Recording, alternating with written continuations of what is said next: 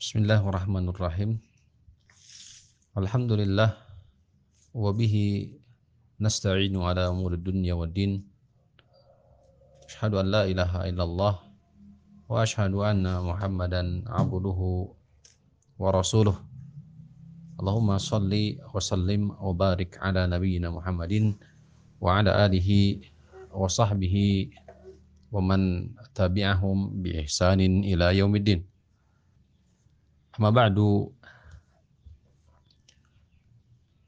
Puji dan syukur senantiasa kita panjatkan kepada Allah Rabbul Alamin.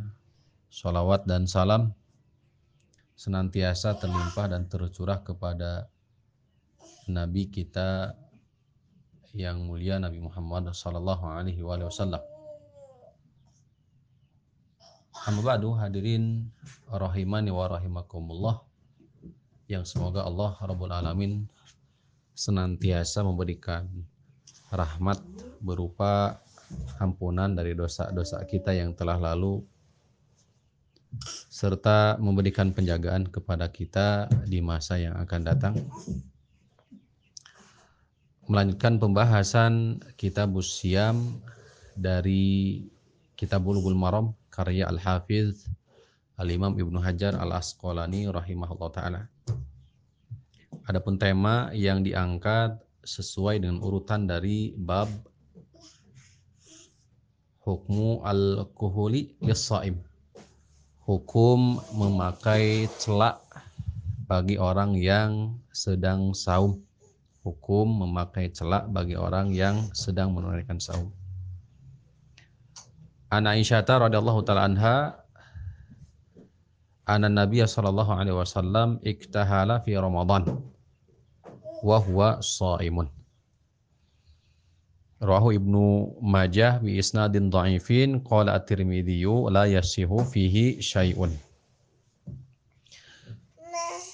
Al-Hafidh Al-Imam Ibnu Hajar Al-Asqalani beliau rahimahullahu taala mencantumkan satu hadis dalam bab ini dalam masalah ini yaitu dari sahabat Aisyah radhiyallahu taala anha bahwasannya sesungguhnya Nabi Shallallahu Alaihi Wasallam beliau mengenakan kuhul atau celak khusus untuk mata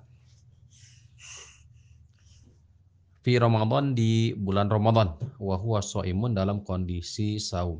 Hadis ini telah mengeluarkan Imam Ibnu Majah dengan sanad yang dhaif dan Imam At-Tirmidzi memberikan catatan la yasihu fihi syai'un. Dalam masalah ini tidak ada hadis yang sahih sedikit pun kata beliau. Hadirin rahimakumullah.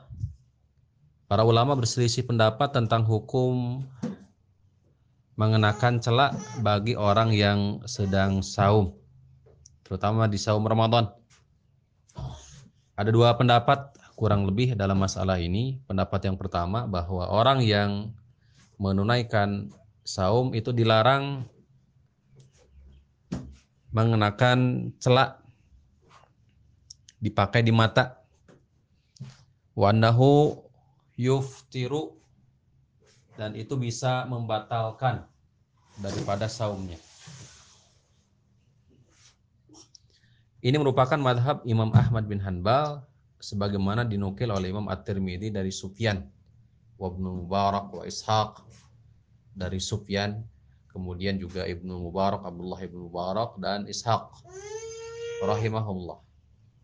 Wastadallu mereka menjadikan dalil hadis yang dikeluarkan Imam Abu Dawud dari jalur Abdurrahman ibnu Numan ibnu Ma'bad ibn Haudah dari bapaknya dari kakeknya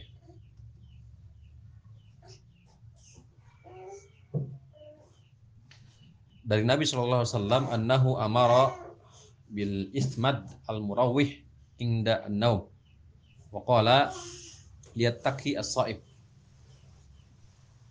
Nabi Shallallahu Alaihi Wasallam memerintahkan bil ismad al murawih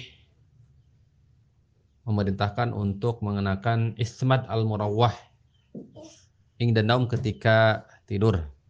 Kemudian Nabi SAW mengatakan lihat taki as-saim hendaklah orang yang saum menjauhi hal tersebut. Yang dimaksud tadi al-ismad al-murawah yaitu semacam celak yang dikenakan di mata.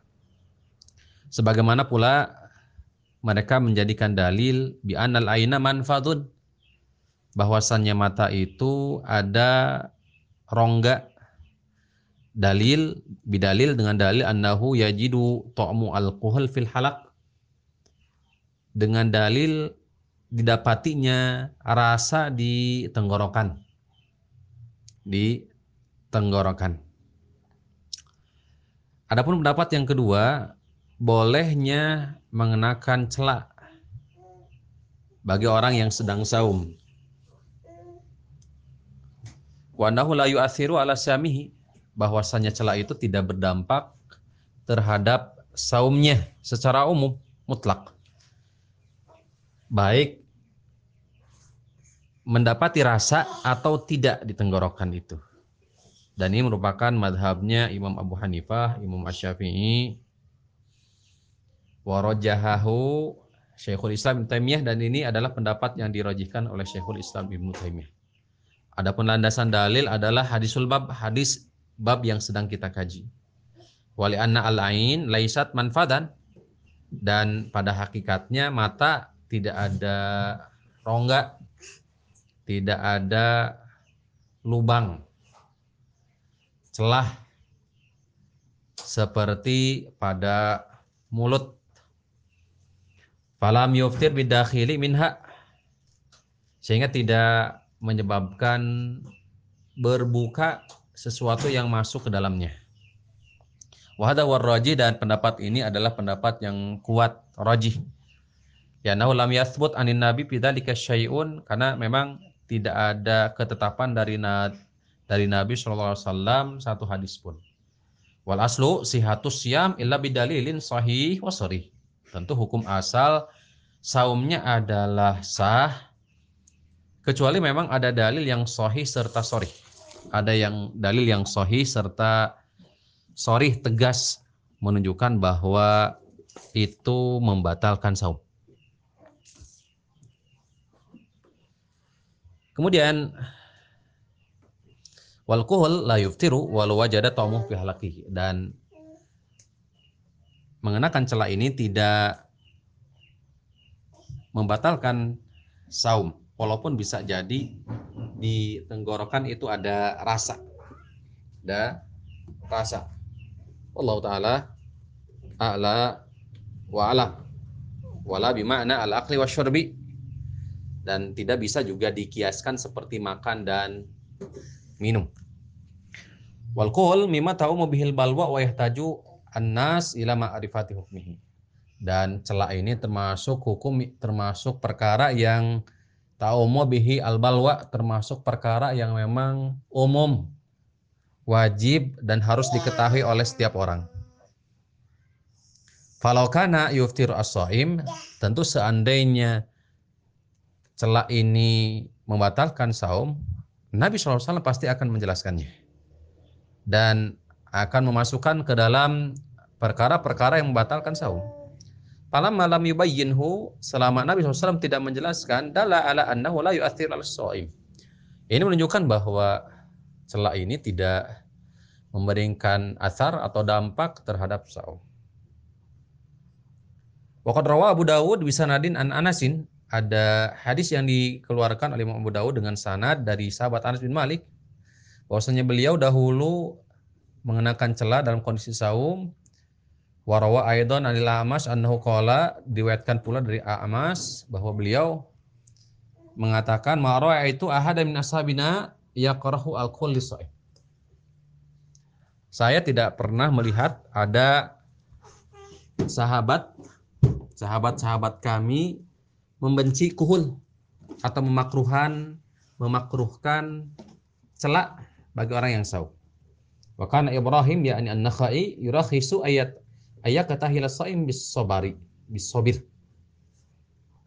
Dan Ibrahim An-Nakhai dahulu beliau memberikan rukhsah kepada orang yang sedang saum untuk mengenakan celah bisabir bisabir sebagaimana hadis ini dihasankan oleh Syekh rahimahullah dalam Sahih Sunan Abu Daud Hadirin rahimani wa rahimakumullah. Wa yuqasu alal kuhli kutratu al-ain dikiaskan dari celah ini adalah tetesan untuk mata. Tetesan untuk mata. Ya fi makna alkohol karena memiliki makna seperti kuhul juga. Atau celak juga. Begitupun wa mislu dzalika qataratu al-udun tetesan untuk telinga sebagaimana tadi. Wa amma qataratu al-anfi adapun tetesan untuk hidung fa innaha tuftiru idza dakhala dalika fi jaufihi. Maka ini bisa membatalkan. Berbeda masalahnya dengan mata serta telinga. Tetesan terhadap hidung ini bisa sampai kepada jauh atau tenggorokan lian al anfa manfaadun yasilu ilal maidah karena memang hidung ada rongga ataupun saluran yang menghubungkan ke lambung. Oleh hadis Lakit Ibnu Sabirah dan begitupun dalam hadis Lakit Ibnu Sabirah Wabarik fil istinsyak dan sempurnakanlah, maksimalkan dalam istinsyak yaitu menghirup air sampai ke hidung bagian atas. Ila antakuna so'iman kecuali dalam kondisi saw. Wallahu ta'ala ala wa alam. Demikian mudah-mudahan menjadi ilmu yang bermanfaat. Wassalamualaikum ala nabiyina Muhammadin wa ala alihi wa sahbihi wasallam.